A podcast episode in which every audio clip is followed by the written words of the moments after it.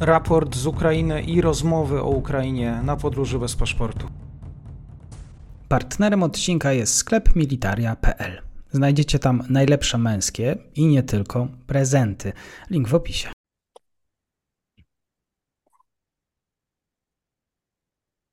Dzień dobry Państwu, dzień dobry wszystkim słuchaczom. Raport z frontu tradycyjnie Marek Kozubel po drugiej stronie. Marku, dzień dobry. E, witam serdecznie Mateuszu, pozdrawiam Ciebie oraz wszystkich widzów i słuchaczy Podróży bez paszportu. E, mówi się o tym, że pad na froncie, więc zastanawiam się też, czy, czy mamy dzisiaj o czym rozmawiać, o tak?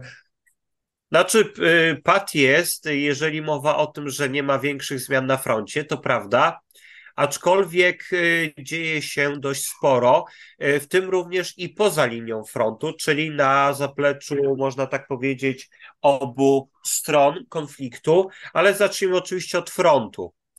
Y, jeżeli chodzi o Awdijiwkę, to Rosjanie nadal bardzo mocno naciskają na stepowe, próbują również nadal prowadzić natarcie w kierunku północno-zachodnim wzdłuż linii toru kolejowego, a kierują natarcie w kierunku Oczyretnego, ale próbują też ataków na drugą stronę toru pod Nowobachmutiwkę. E, jeżeli chodzi o strefę przemysłową w północnej części, czyli o awdiwskie zakłady koksochemiczne, czyli ten mini Azowstal, e, to tutaj E, Rosjanom te ataki nie wychodzą. Rosjanie nadal e, no, są zatrzymani po prostu pod e, tym murowanym płotem, który otacza ten zakład, to przedsiębiorstwo. Gorzej jednak wiedzie się obrońcom w południowej części. Ja już w poprzednim nagraniu mówiłem o tym, że Rosjanie atakowali w górę ulicy Jasonowackiej i teraz y, mają oni w swoich rękach całą tutaj strefę przemysłową w tej południowo-wschodniej y, części. I teraz mają możliwość atakowania strefy mieszkaniowej, czyli tą, którą Państwo tutaj właśnie y, widzicie. Oczywiście no nie oznacza to, że tutaj Ukraińcy nie mają zupełnie żadnych przygotowanych umocnień, żadnych pozycji, ale to jednak nie są, y, powiedzmy tak, to nie są umocnienia tak samo y, rozbudowane, tak skuteczne, y, jak na przykład w tych strefach przemysłowych, y, gdzie mamy do czynienia z solidniejszą zabudową, solidniejszymi budynkami, przez co łatwiej jest się w takiej strefie bronić. Tutaj trzeba mieć na uwadze to, że z czasem Ukraińcy będą musieli się wycofywać z powodu degradacji i umocnień, ale również i zabudowań w tej części. Po prostu domy jednorodzinne, czy nawet mniejsze bloki e, będą dużo szybciej ulegać destrukcji, przede wszystkim w wyniku ostrzału artyleryjskiego oraz nalotów rosyjskiego lotnictwa.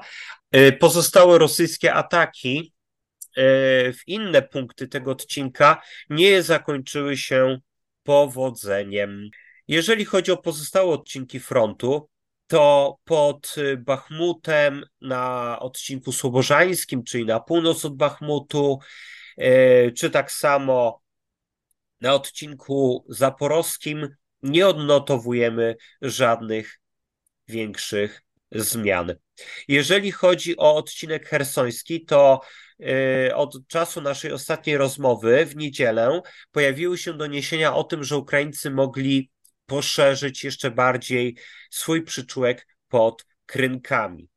Na razie mają oni pewne problemy, żeby e, ruszyć dalej na południe przez e, las, który znajduje się na południe od e, tej wsi, ale rozszerzają przyczółek głównie w kierunku wschodnim, czyli w kierunku wsi Korsunka.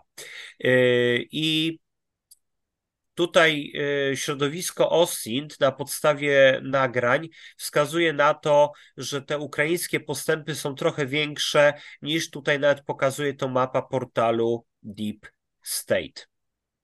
A jeżeli chodzi o te wydarzenia, które miały miejsce e, poza linią frontu, to tutaj warto przede wszystkim wspomnieć o tym, że w niedzielę e, miało miejsce co ciekawe, duży nalot ukraińskich dronów na terenie kilku rosyjskich obwodów: smoleńskiego, moskiewskiego, tulskiego, kałuskiego, briańskiego, y, kurskiego. Y, także tutaj się dość sporo działo i nie wszystkie drony można powiedzieć, że to były takie ukraińskie odpowiedniki szachedów. Nie wszystkie drony zostały zestrzelone przez rosyjską obronę przeciwlotniczą i przykładowo w Smoleńsku udało się porazić e, zakłady e, biorące udział w produkcji lotniczej. E, być może był tam też zakład, który produkował rakiety H-59.